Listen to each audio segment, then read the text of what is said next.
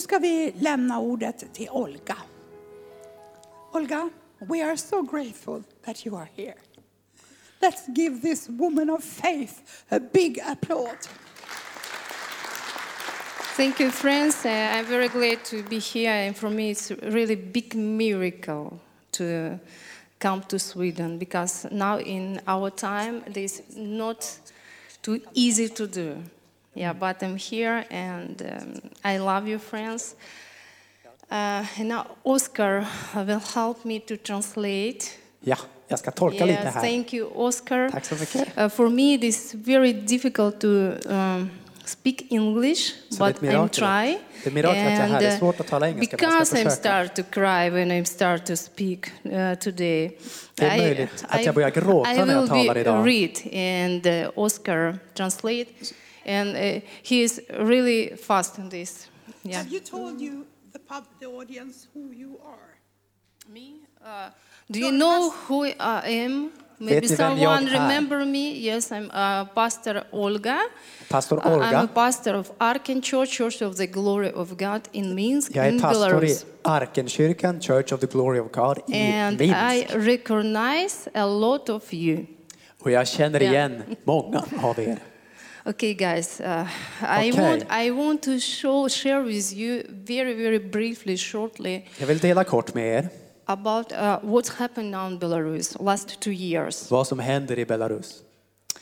In reality, it looks like we are live in hell. I verkligheten så är det som att vi är i helvetet. And I felt very strong, uh, strongly in my heart that I must to share uh, our picture, our situation, our life with you. Och jag kände väldigt starkt i mitt hjärta att jag behöver dela vår situation med er. Yeah, now I start to read. okay. Nu börjar jag läsa vad jag har skrivit här. Uh, dear friends, it Kära is, vänner. it is a coincidence that yesterday, May 21st, in Belarus was the day of political prisoner. Det är ett sammanträffande att igår, den 21 maj i Belarus, var eh, dagen för de politiska fångarnas dag. It echoes with pain of hearts of most Belarusians. Och det ekar ju med smärta i de flesta belaru- belarusiers hjärta. Right now, there are 1,457 people in prisons because of political motives. Just nu finns det 1457 människor som är fängslade på grund av politiska anledningar. They are deprived not only of the freedom but also of human treatment. Och de berövas inte bara sin frihet utan också ett mänskligt behandlande. Of some company will make T-shirts with all their faces. It uh, will tell um, three and five years to wear them, one T-shirts every day. Ja, om man då gjorde t-shirts med ett ansikte på varje fånge och du hade en sån t-shirt varje dag så skulle det ta tre och ett halvt år att ha de här tröjorna på dig i ordning. And on one of them will be the face of Andrei Budai, member of our church. Och en av dessa fångar är André Budaj som är medlem i vår kyrka. Last two years, after 2020 elections, we uh, live like in hell, like I told before. De senaste två åren sedan valet 2020 är precis som jag sa förut, det är som att leva i helvetet. And what happened? Vad hände? When the first wave of COVID uh, hit Belarus, authorities pretended like nothing was happening. När den första vågen av covid kom till Belarus så låtsades auktoriteterna, myndigheterna, som att ingenting hände. And true numbers of deaths were hidden and re- reduced. Hospitals were overfilled uh, with sick people. Och de sanna dödssiffrorna gömdes och eh, doldes medan sjukhusen var överfulla av människor. There was not enough or protective masks, suits, and equipment. Och det fanns inte nog med sådana här skyddsmasker eller skyddsdräkter eller utrustning överhuvudtaget. And in one interview, Lukashenko said, Can you see virus? Neither can I, so it doesn't exist. I en intervju sa Lukasjenko, ja, ser du något virus? Nej, inte jag heller, så det finns inte. Yes, it's uh, sound fun, uh, but in reality, it's uh, real lives uh, of the real people. Det låter ju roligt, men i verkligheten så är det ju lögner som folk faktiskt säger. So people started to unite to rescue themselves. Så folk började enas för att rädda sig själva. Uh, to see uh, gone in mask uh, to help hospitals, bringing them free hot meals right to the medicals. Ja, för att få fram utrustning, eh, för att, för att hjälpa sjukhusen och eh, att dela ut mat också. Och, och också speciellt till de här sjukvårdarna, att de fick mat. Uh, many were volunteering. Och många volontärarbetade med det här. Society united and people rescued themselves. Eh, Så samhället enades och folk räddade sig själva. People were shocked to the uh, deep of the soul that human life has no despised by the state and authorities. Och det har varit en chock till djupet av allas hjärtan att, att myndigheterna inte haft någon respekt för människovärde och människoliv. They firmly decided to stop tolerante this and they elect a new president. Och de bestämde sig väldigt bestämt att sluta tolerera det här och, och välja en ny president. It was not easy task in our country because all elections in our country were falsified and all out- uh, uh, alternatives are being eliminated. Och det var ju ingen lätt uppgift i vårt land för att eh, det är så korrupt att alla val är förfalskade och eh, alla alternativ tas bort. Same happened in 2020. Och det var detsamma som hände 2020. All potential candidates were imprisoned even before elections or fled the country. Alla potentiella kandidater sattes i fängelse till och med före valet eller så flydde de landet. Some of them were uh, sentenced uh, to uh, 14, 18 years in prison. Och vissa dömde till 14-18 år i fängelse. Något sånt. However, civil society were uh, forming during pandemic uh, was able to control and prove that elections were falsified. Så i alla fall så fanns det i, i samhället så formades det grupper då som kunde eh, bevisa att de här valen hade varit fuskval. Svetlana Tikhanovskaya, wife of Sergei Tikhanovsky, participated in election for him and was elected by the majority of votes. Eh, Tsikhanouskaya, wife of Sergej Tsikhanouski, eh, deltog i det här valet och för honom och, och blev vald eh, av en majoritet av röster där. First evening after election, people came to the memorial in center of Minsk for celebrate her victory. Och första kvällen efter valet så kom massa människor och ville fira hennes seger i Minsk. And tens of thousands people come. Tiotusentals människor kom.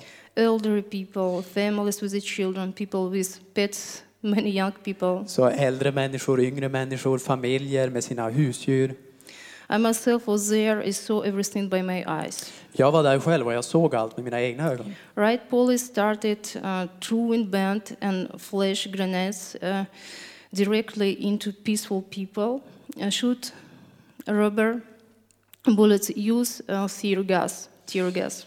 Ja, och då började den här eh, upploppspolisen att eh, kasta såna här flashgranater och eh, såna här eh, smällgranater som gör ett ljud och så skjuta gummikulor och tårgas på de här fredliga massorna.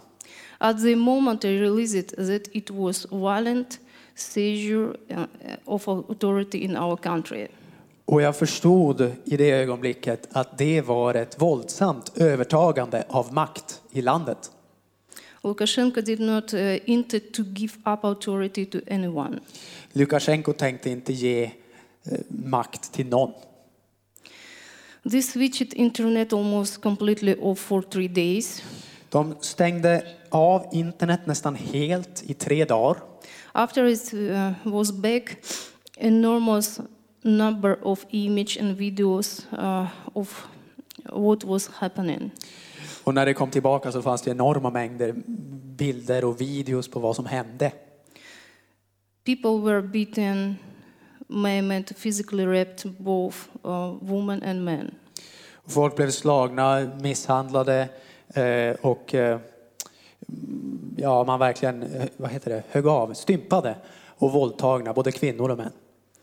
People were shocked. We never saw anything like that, and uh, it seemed unreal and impossible. Folk var chockade. Vi hade aldrig sett något liknande. Det verkade helt overkligt, men det var it, på riktigt. but it was real. Det var på riktigt. People uh, di- disagreed with violence and uh, humiliation of human uh, dignity. Och det var ju då väldigt många som inte höll med att man körde över mänskliga rättigheter och värdighet på det här sättet. We united and come to the streets. Så de enade sig och gick ut på gatorna People dressed in white, red, white uh, colors of national flag. och klädde sig i vit, röd, vitt, alltså färgerna av den nationalflaggan. Uh, it was a symbol of Belarusian national dignity. Det var en symbol för belarusisk nationalidentitet. Despite that, protests were violently suppressed. Uh, their protests were absolutely and principally peaceful. Eh, förutom att de här protesterna blev våldsamt nedtryckta så var det fredliga demonstrationer. It is necessary to note that Russian military force were in Belarus during election. Det är viktigt att poängtera att ryska militären var i Belarus under valet. They, they will be used if protester uh, will give the reason. Och den skulle användas om eh, de här demonstranterna skulle ge dem anledning till det. And Putin helped Lukashenko to hold the authority. Now Lukashenko pay back in helping with war with Ukraine. Putin hjälpte Lukasjenko att behålla makten och nu hjälper Lukasjenko tillbaka då med kriget i Ukraina. All this happened with re- represent uh, representations that uh, go on for two years now in Belarus. Och allt det här händer eh, med konsekvenser som, som finns två år tillbaka i Belarus. Good people are sent uh, to prison, feared from work. Och bra människor sätts i fängelse och avskedas från jobbet. 700 social, charitable, and non-governmental organizations were eliminated. 700 sociala välgörenhetsorganisationer som inte har med regeringen att göra blev eliminerade. We have no more free, independent media and press. Och vi har ingen mer fri, eh, oberoende media eller press. People are judged and punished even uh, for the wrong color of clothes if it's regarded as a protest. Och folk döms och straffas om de bara har fel färg på kläderna, om det tolkas som en protest. And authorities call them terrorists. Och myndigheterna kallar dem för terrorister. Woman with a bouquet of red and white flowers, and old man with a uh, poster with uh, where is sword, no violence, no war. A student with a guitar uh, with uh, uh, think about freedom. Uh, that was Belarusian terrorist-like look. Så en kvinna med en bukett i rött och vitt, en man med en eh, affisch som säger inget våld och en student med en gitarr som sjunger om frihet. Det är så belarusiska terrorister ser ut. Now Andrei Buda is also a terrorist, and I'm the pastor, the pastor of terrorists. Och vår André Budaj är också en terrorist och jag är en terrorists pastor då. Andrei is a detention prison since July last year. Och han sitter i ett avskilt fängelse, eller instängd i fängelse, sedan juli förra året. June 6 court hearing will start. Den 6 juni så börjar rättegången. Uh, we still have death punishment uh, or capital punishment allowed in our country. Och vi har fortfarande dödsstraff och väldigt allvarliga straff. Death. Ja, dödsstraff Okay. i, i vårt land. Last week, Lukashenko made the law more hard, and person in Belarus can get death penalty only because of intended attempt of uh, carry of terrorist attack. Och förra veckan så, så gjorde Lukasjenko clear en, en, eh, eller han färdigställde en lag så att varje person, eh, du kan dömas till dödsstraff bara för intentionen att begå ett terroristbrott. It's mean anyone can be charged with this. Det betyder att vem som helst kan få den domen. Andrei will be in court with this law. Andrei går till rättegång med den här lagen i funktion. Some of you know Andrei. He was in Arkan several times with his family. Och vissa av er känner Andrei. Han har varit här på arken flera gånger med sin familj. He has three children. He is a good family person and Christian. Han har tre barn, han är en god familjefar och kristen. He was providing for his family alone. Han eh, försörjde sin familj ensam. Now his wife Galia take care of the family. Nu tar hans fru Galja hand om familjen. And of course, good people, Christian and Christian, uh, help Galia as much as they can all this time. Och det är såklart många goda människor som hjälper Galja så mycket de kan i den här tiden. We ask you to pray for Andrei and his family. We ask you to pray for all of us. Så vi ber, att, vi ber er att be för Andrei och hans familj och vi ber att ni ber för alla oss. Presently, Belarus is under the double occupation Just nu så är Belarus under en dubbel ockupation of uh, uh, illegitimate uh, Lukashenko's regime and in the Russian occupation. under den här olagliga Lukasjenkos eh, regering då och under rysk ockupation. Belarus is almost like a large concentration camp. Belarus är nästan som ett stort koncentrationsläger. Yes, we continue to fight for the freedom of our land. We continue to pray. We continue to believe and do all if uh, our power and our situation, both for Belarus and Ukraine. Och vi fortsätter ändå att eh, slåss för friheten i vårt land och vi fortsätter att be.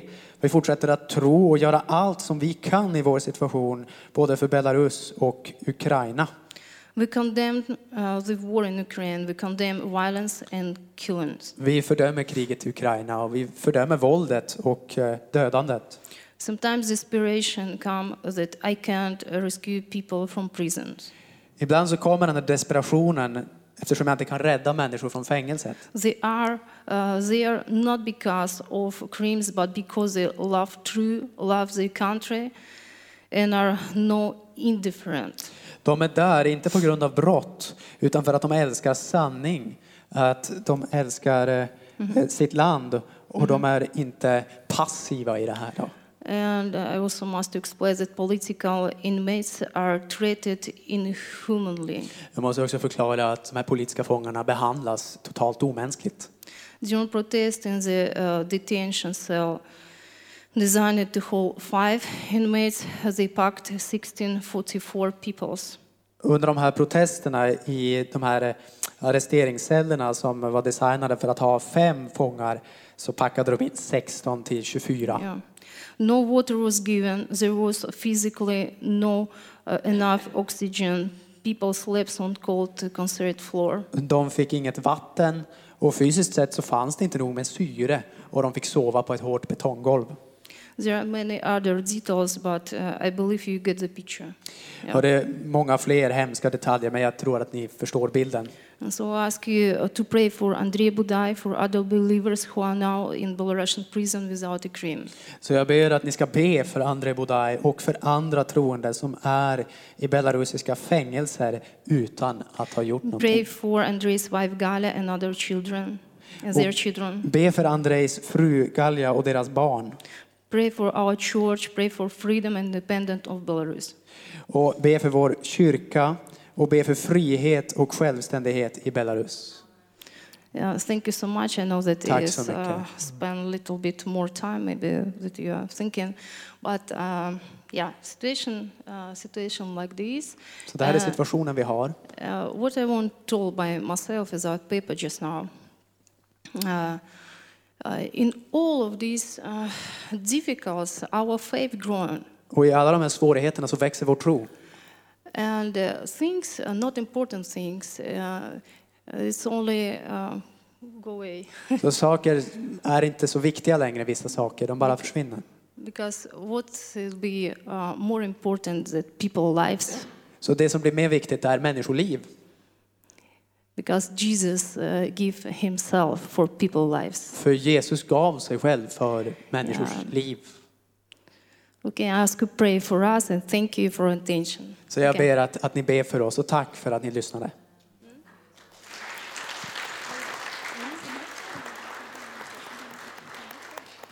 Halleluja. Tack Jesus.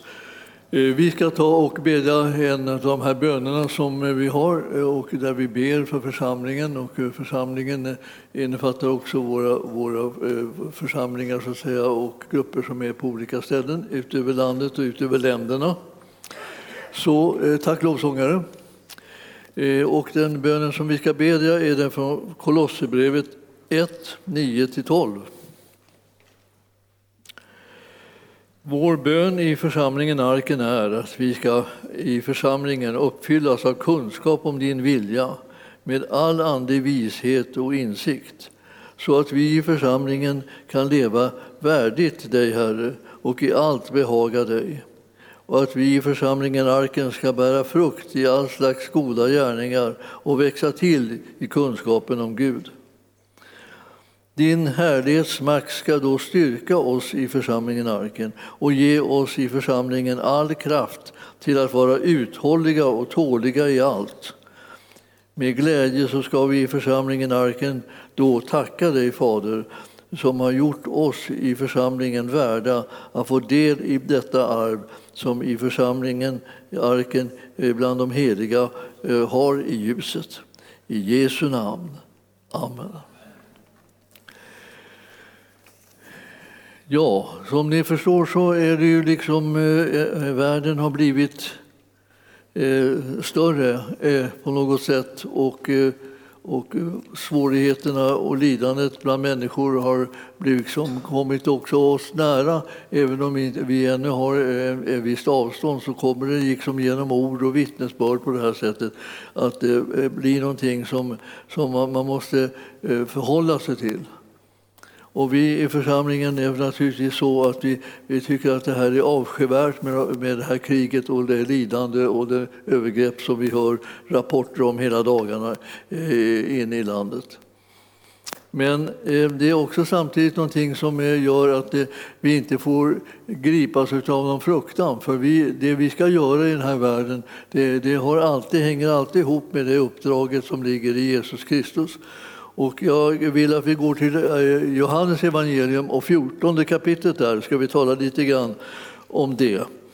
Men jag eh, vill säga att eh, naturligtvis så är det så att, att eh, varje församling ju- får ju vara liksom, eh, ansvarig för det delar och den delaktighet och den hjälp och så som vi sträcker oss ut med till människor som lider i nöd. Så vare sig de nu är liksom egentligen är våra trossyskon eller inte, alla människor liksom är ju älskade av Gud. Och det är många som kommer i kläm av olika skäl liksom också, eh, eh, när det gäller den här politiska kampen och, eh, och det, det krigiska liksom, försöket liksom att få mera makt och inflytande över andra människor i världen. I Johannes 14 så står det där i första versen Låt inte era hjärtan oroas. Tro på Gud och tro på mig. Det är Jesus som talar. Alltså han, han säger alltså det vi inte ska låta hända det är det där att vi kommer att bli handlingsförlamade liksom, och rädda och inte eh, ha någon förmåga att våga göra någonting och bara liksom bli passiva. Herren, Herren har aldrig haft liksom, eh, någon sån här passivitet på sin sida. Det är inte så han har gått fram för att föra ut det budskapet som han har från Gud till världen. Och det är inte så heller lärjungar någonsin har fått en kallelse att verka i världen. Men det vi har och det och ger och det som är liksom verkligen övervinnande och segrande faktor, det är den kunskap och kontakt som vi har med den levande frälsaren Jesus Kristus som har uppstått från de döda, som har omintetgjort djävulens gärningar på olika sätt. Och vi läste eh, om det där och vi, jag vill säga till er, eh, när man läser bibeltexterna så talar de hela tiden till oss eh, av olika anledningar liksom på, ett, eh, på olika sätt. Beroende på vad vi just nu står i för liksom, situation så är det som att vi hör vissa saker mycket tydligare. Och när vi kommer i en annan situation så är det andra saker som vi hör mycket tydligare.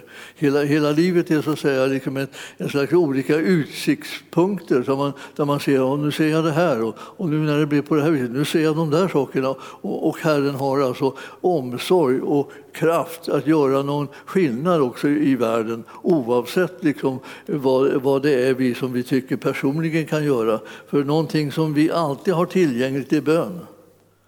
Och alltså, ibland är det så att säga, vi kan tänka, ja då, då får man väl bara be då. Men det är inte alls det där bara be, utan det är liksom bara be. Det är den största kraft som vi kan sätta igång i den här världen. Att vara sådana som andligt liksom tar ansvar och ropar till honom som har all makt i himlen och på jorden. Att han ska sträcka ut sin hand och hjälpa och bevara och beskydda människor som råkar ut för mest fruktansvärda saker.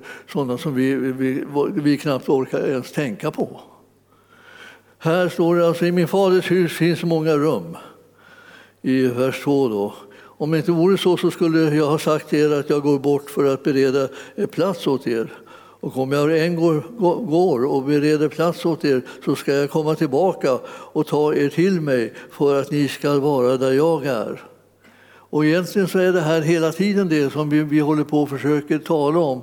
Att vi har ett sånt enormt fantastiskt erbjudande från vår frälsare Jesus Kristus. Att han alltid är med oss alla dagar in till tidens ände. Att vi aldrig är någonstans där han inte är också.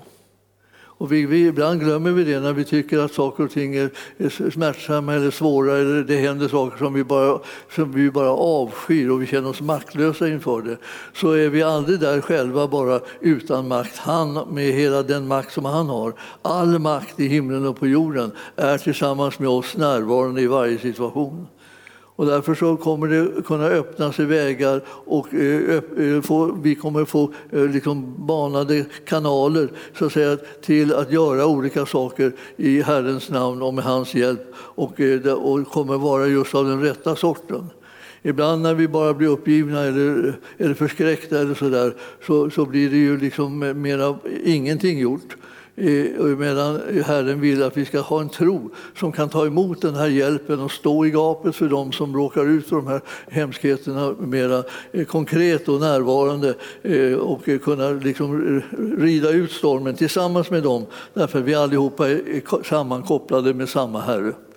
Det här eh, eh, när det, då, det, det, är så att man ser att lärjungarna som tycker att, liksom, att det börjar bli oroligt runt omkring Jesus, liksom, och om han, man tänker på konflikten som han levde i hela tiden och eh, allt hat och alla motsättningar som han hade runt omkring sig, så, så börjar lärjungarna undra hur, hur, ska, hur ska vi gå? Hur ska vi veta hur vi ska leva? Hur, hur ska vi välja, kunna välja rätt väg? Och här står då att, eh, att Thomas säger till Herren då i femte versen, Herre, vi vet inte vart du går och hur kan vi då eh, känna vägen? Och då säger Jesus det här till honom som är sådär välbekant ord som, som vi alla kan fullkomligt utan till. Jag säger Jesus, jag är vägen, sanningen och livet. Ingen kommer till Fadern utom genom mig. Om ni har lärt känna mig så ska ni också eh, känna min fader. Och härefter känner ni honom och har sett honom. Och Filippus han, han svarar då, för det här samtalet liksom börjar gå, övergå liksom allt förstånd, så han säger bara Herre, låt oss få se Fadern så räcker det för oss. Och eh, Jesus svarar, så länge har, ni varit hos, har jag varit hos er och ni har inte lärt känna mig, Filippus. Den som har sett eh, mig, han har sett Fadern. Hur kan du då säga låt oss se Fadern? Tror du inte att jag är i Fadern och att Fadern är i mig? De ord som jag talar till er talar jag inte om mig själv.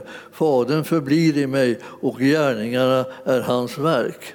Och du vet att så är det liksom för människor hela tiden att tänka när man går igenom svårigheter, vare sig de är personliga, privata eller om de gäller hela, hela folkgrupper eller stammar eller, eller raser eller så här som blir, på, råkar ut för övergrepp på olika sätt så är det, gäller det att komma ihåg, vem är Jesus?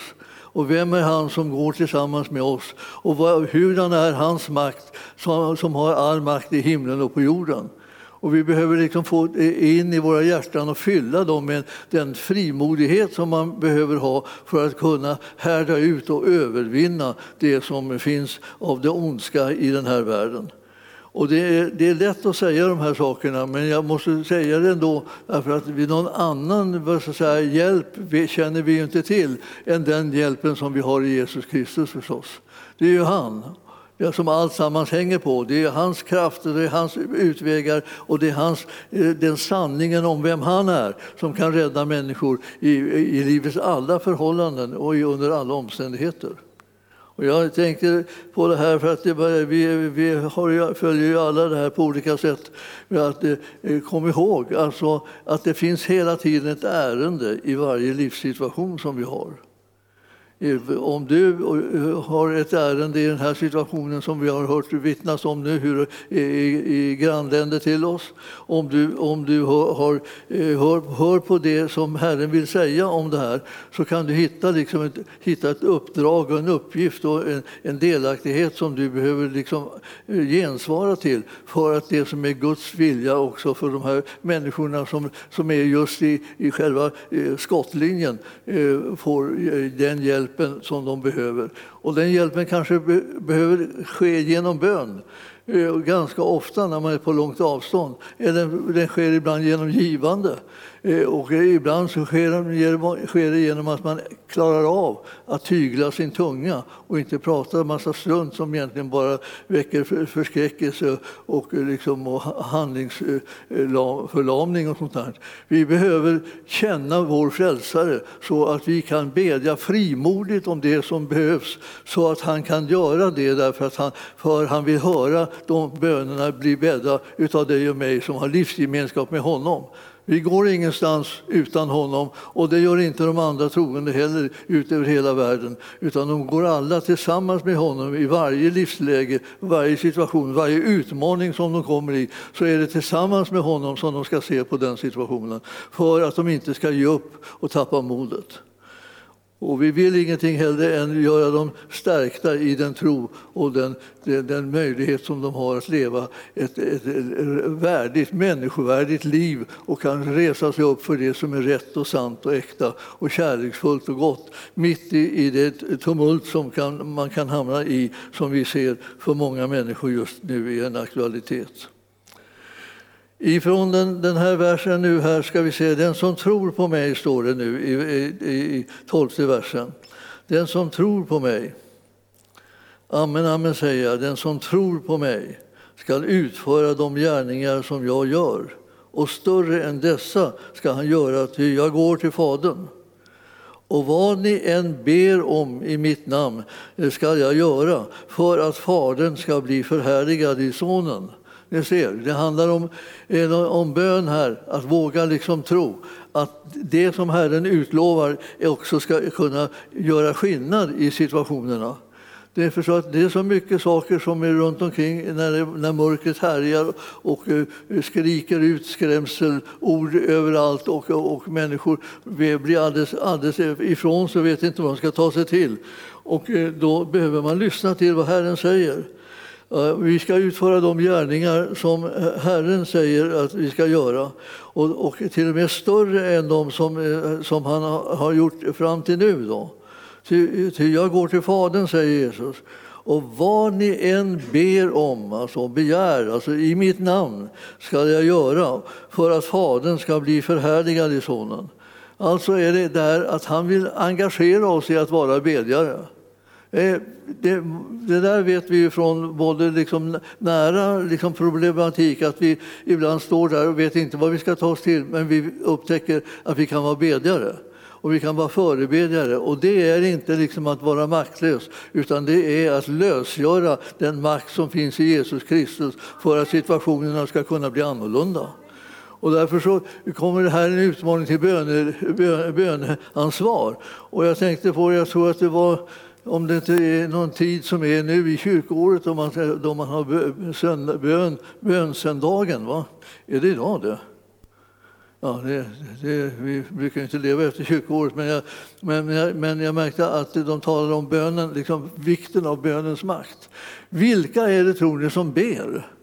Ja, det är ju så att det är de Eh, som, eh, som känner honom som har gett sitt liv för oss. De som, är, de som, har, som känner honom som har segrat och omintetgjort gjort djävulens gärningar, som har övervunnit döden. De som känner honom, de ber.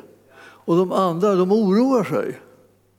Och ni förstår att det är liksom inte, ingen, ingen måtta på det här, liksom hur, hur viktigt det är att vi vet vilken kallelse vi har och vilken uppgift vi har just nu när det råder den här situationen. Och, och när vi kommer i andra nödsituationer ska vi känna igen vad har vi för kallelse där från Herren. Inte från det, hur eländigt det är, inte hur fasansfullt det är, hur, hur omöjligt det är, hur svårt allting är, utan från, just från honom. Vad har han sagt till oss?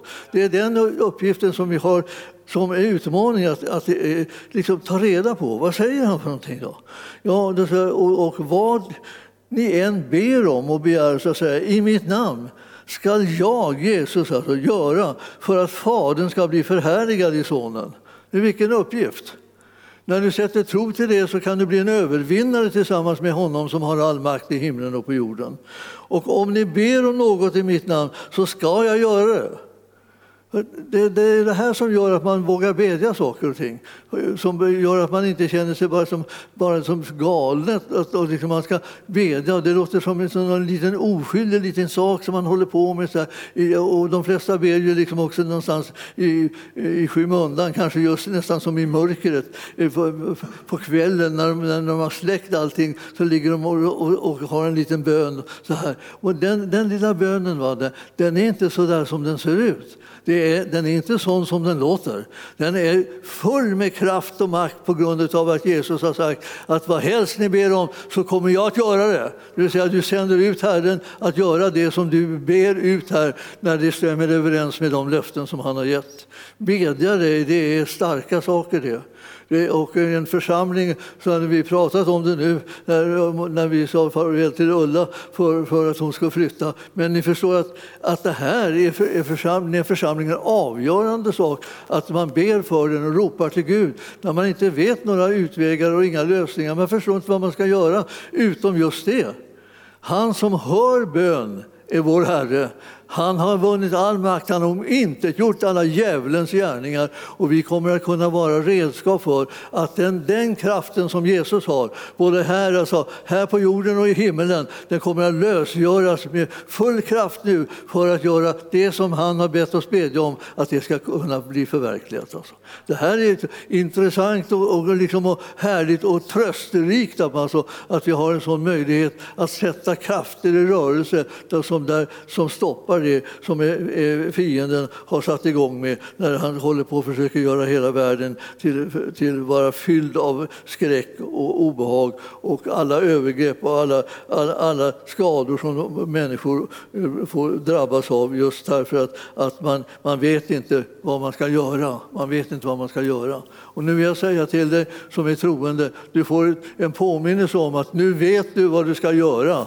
Du säger, du ska bedja. Och den, den klarhet som du kommer få genom det själva bönen, den klarheten kommer också hjälpa dig till att vilka är det några andra handlingar, någonting annat som jag ska göra än det här. Du ska börja där med att höra efter vad din Herre säger. Vad är det rådligt att göra? Vad är det lämpligt att man gör? Vad är det som gör att, att vi kan få stopp på ondskans frammarsch i den här världen nu. Och vad, hur går man tillväga? Ja, han vet. Och det är därför så, så, behöver du veta vem han är så att du bryr dig om att lyssna på det som han också säger. Vi har pratat ganska mycket om det här den senaste tiden, om det här att veta vem frälsaren är. Vem är han? Vad förmår han?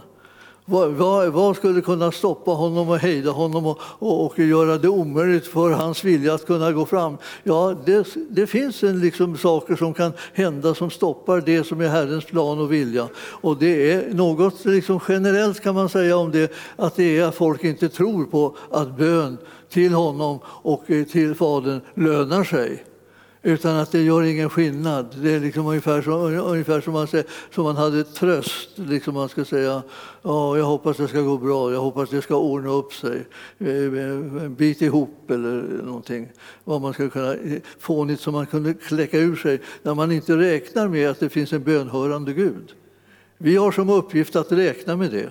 Vi har som uppgift att praktisera bön i tro på Herren för att hjälpen ska komma och den ska komma så att det gör skillnad och det blir utvägar och människor blir räddade. Och det är det som ligger på Herrens hjärta och det ligger också på våra hjärtan som står i samarbete med honom. Sen eh, så är det, det här en påminnelse till som jag ska ta bara det och jag märker liksom att jag har en liten stund, liten stund kvar så att säga. sån här ungefär. Vers 20 i samma kapitel. Vers 20 står här. Den dagen ska ni förstå att jag är i min fader och att ni är i mig och jag i er. Och den som har mina bud och håller fast vid dem, han är den som älskar mig. Och den som älskar mig skall bli älskad av min fader och jag skall älska honom och uppenbara mig för honom. Vad, blir det, vad är det som händer? Det händer att du så som älskar Herren och vill följa honom kommer att få vara med om att han uppenbarar sig för dig så att du kan förstå och se vad situationen nu kräver att vi, att vi gör, vi som hör ihop med honom. Vi ska göra övernaturliga ting och vi ska sätta krafter i rörelse som kommer ifrån himlen för att Guds vilja ska kunna ske här nere på jorden. Ske din vilja så som i himmelen, så på jorden. Eh, det, det, det, har ju många av er bett, bett när ni har bett Fader vår i årtiondens årtionden. Eh, nu kan man säga att det, här har du ett, ett exempel på när man, vi ber att hans vilja i himlen ska kunna ske här på jorden. Och det, det, är vi som kan så att säga, lösgöra det och öppna för det att det kommer hit ner på jorden och blir förverkligat det som Herren har planerat för den här situationen också. Så att vi är ett folk som är, egentligen har fullt med makt och möjligheter att kunna förändra eh, situationer även när de är som mörkast och verkar som hopp, mest hopplösa. Men vi är ett folk som också eh, ska kunna få öppnade ögon så att vi ser vem han är. För det där att känna sin frälsare gör människor frimodiga. Inte bara det att de rabblar böner, utan att de känner den som de ber till och vet vad han har lovat och vet hur han är inställd till människor och hur han alltid har lovat att vara deras frälsare, den som räddar dem, den som hjälper dem, den som stärker dem, den som beskyddar dem, den som rycker den ur djävulens käftar eh, för, så att döden inte får någon makt längre. Det är, det, det är honom som man behöver känna så att du inte du tvekar tvekar om så att han kanske inte vill, han kanske inte det, han kanske inte det. Du är inte, du är inte en människa som ska hålla på och leva ett liv där du, där du bara vet kanske hur Herren är. Du är en som ska ha fått uppenbarelse om hur den Gud är och hur den han har sänt Jesus är och vad han vill göra för människor i den här världen. Och därför vill jag bara säga till er, alltså, ta det på allvar, inse själva kallelsen och uppdraget som vi har så att vi kan göra den här världen till en återspegling av det som Eh, som himlen vill att den ska vara och inte bara någonting som vi, där vi tappar liksom sugen och, och vågar inte vet, och tänker att det, det, är nog ingen idé, vad kan min lilla bön göra? Och det, det är inte din lilla bön din här, som gör det här utan det är din mäktiga Herre som gör det när du ber i tro på hans kraft och hans möjligheter. Så var, var frimodig och oförfärad och gör Herrens gärningar och tygla din tunga. När du inte har någonting särskilt bra att säga så behåll liksom tungan liksom vilande. Och sedan när du har någonting härligt från himlen att säga med full kraft så tala ut det så det dånar så folk bara ryser över vilken, vilka möjligheter så att säga, vi har som Guds folk. Vi är kallade att göra skillnad. Gör skillnad. Det tror jag är det absolut viktigaste. Eh, eh, har jag några minuter till? Eller? Fem? Käre Gud, ska det här, hur ska det här sluta? Fem, fem, fem minuter. Då ska, jag ta, eh, då ska jag ta en bit av, till av det här. Alltså, om att vi ska säga någonting ytterligare. Det här kapitlet, jag nu bara titta på några, en, en annan vers här. I det här kapitlet, i 14 eh, kapitlet i Johannes evangelium så, så står det många saker. Eh, och det står också, förutom om Fadern och Sonen, så står det också om den helige Ande där. Och, eh, eh, och det är så att Jesus sa att om någon älskar mig så håller han fast vid mitt ord. Och min fader ska älska honom och vi ska komma till honom och ta vår boning hos honom. Och den som inte älskar mig håller inte fast vid mina ord. Det ord som ni hör är inte mitt utan kommer från Fadern som har sänt mig. Ni förstår, hela tiden så håller han på och säger att det finns en kedja här som vi måste hålla liksom, intakt. Och det är den kedjan från, som går liksom till, från himlen alltså, och eh, genom gudomens tre personligheter liksom in, också in i våra hjärtan där, där han vill ta sin boning för att uppenbara vad det är som är planen och tanken med livet som vi har här på jorden. Det är inte den här lilla, lilla, lilla stilla stund eller så här eller tänd ett ljus eller någonting. Det, det, det, här, det här är fråga om tro som, som öppnar dörrar och banar väg för det som är Guds fantastiska övernaturliga vilja och om inte gör djävulens gärningar. Och då står det här på slutet i, det här kapitlet då, att vad, vad är det här med hjälparen, den heliga ande, står i, i vers 26. Eh, den helige Ande som Fadern ska sända i mitt namn. Han ska lära er allt och påminna er om allt vad jag har sagt er. Och det sker genom att du läser ordet och ber den helige Ande förklara för dig vad som står där, vad det innebär. Frid lämnar jag efter mig åt er, min frid ger jag er. Inte ger jag den sådan som frid som världen ger. Låt inte era hjärtan oroas och vara modlösa. Ni, ni, har ju hört att jag har sagt att det är så här, jag går bort och jag kommer till er igen. Om ni älskade mig skulle ni glädjas över att jag går till Fadern, ty Fadern är större än jag. Och nu har jag sagt det till er innan det sker, för att ni ska tro när det har skett. Det är inte mycket mer som jag kommer att säga er än det här, ty denna världens första kommer. Mot mig förmår han ingenting. Alltså, ibland när vi nämner honom så här, oh, oj, oj, jag kommer tänk om fienden blir arg. Jag skulle säga det, jag tror aldrig jag har hört så mycket så här, vad Sverige ska göra eller inte göra. Tänk om fienden blir arg. Alltså, det var svaret liksom för här, vågar vi göra någonting? Vågar vi, vågar vi bedja, vågar vi ropa till Gud, tänk om, tänk om fienden blir arg? Vågar vi, vågar vi liksom eh, stå emot olika krav från olika länder så här, som, eh, som, eh, som inte har någonting med oss att göra på det viset? Tänk om fienden blir arg? Och då, alltså, så säger din herre och vän säger så här. Mot mig förmår han ingenting.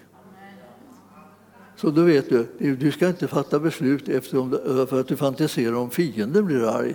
Det är inte, det är inte något problem för dig. Din Herre eh, har redan tagit honom i, så säga, i nacken och eh, mot mig förmår han ingenting. Och den som håller ihop med Jesus, för den, med den människan förmår fienden ingenting. Det är inte det som du ska bekymra dig över. Du ska bekymra dig över att du själv inte riktigt observerar vilken frälsare du har så att du låter felaktiga krafter komma in och skrämma vettet ur dig. Amen.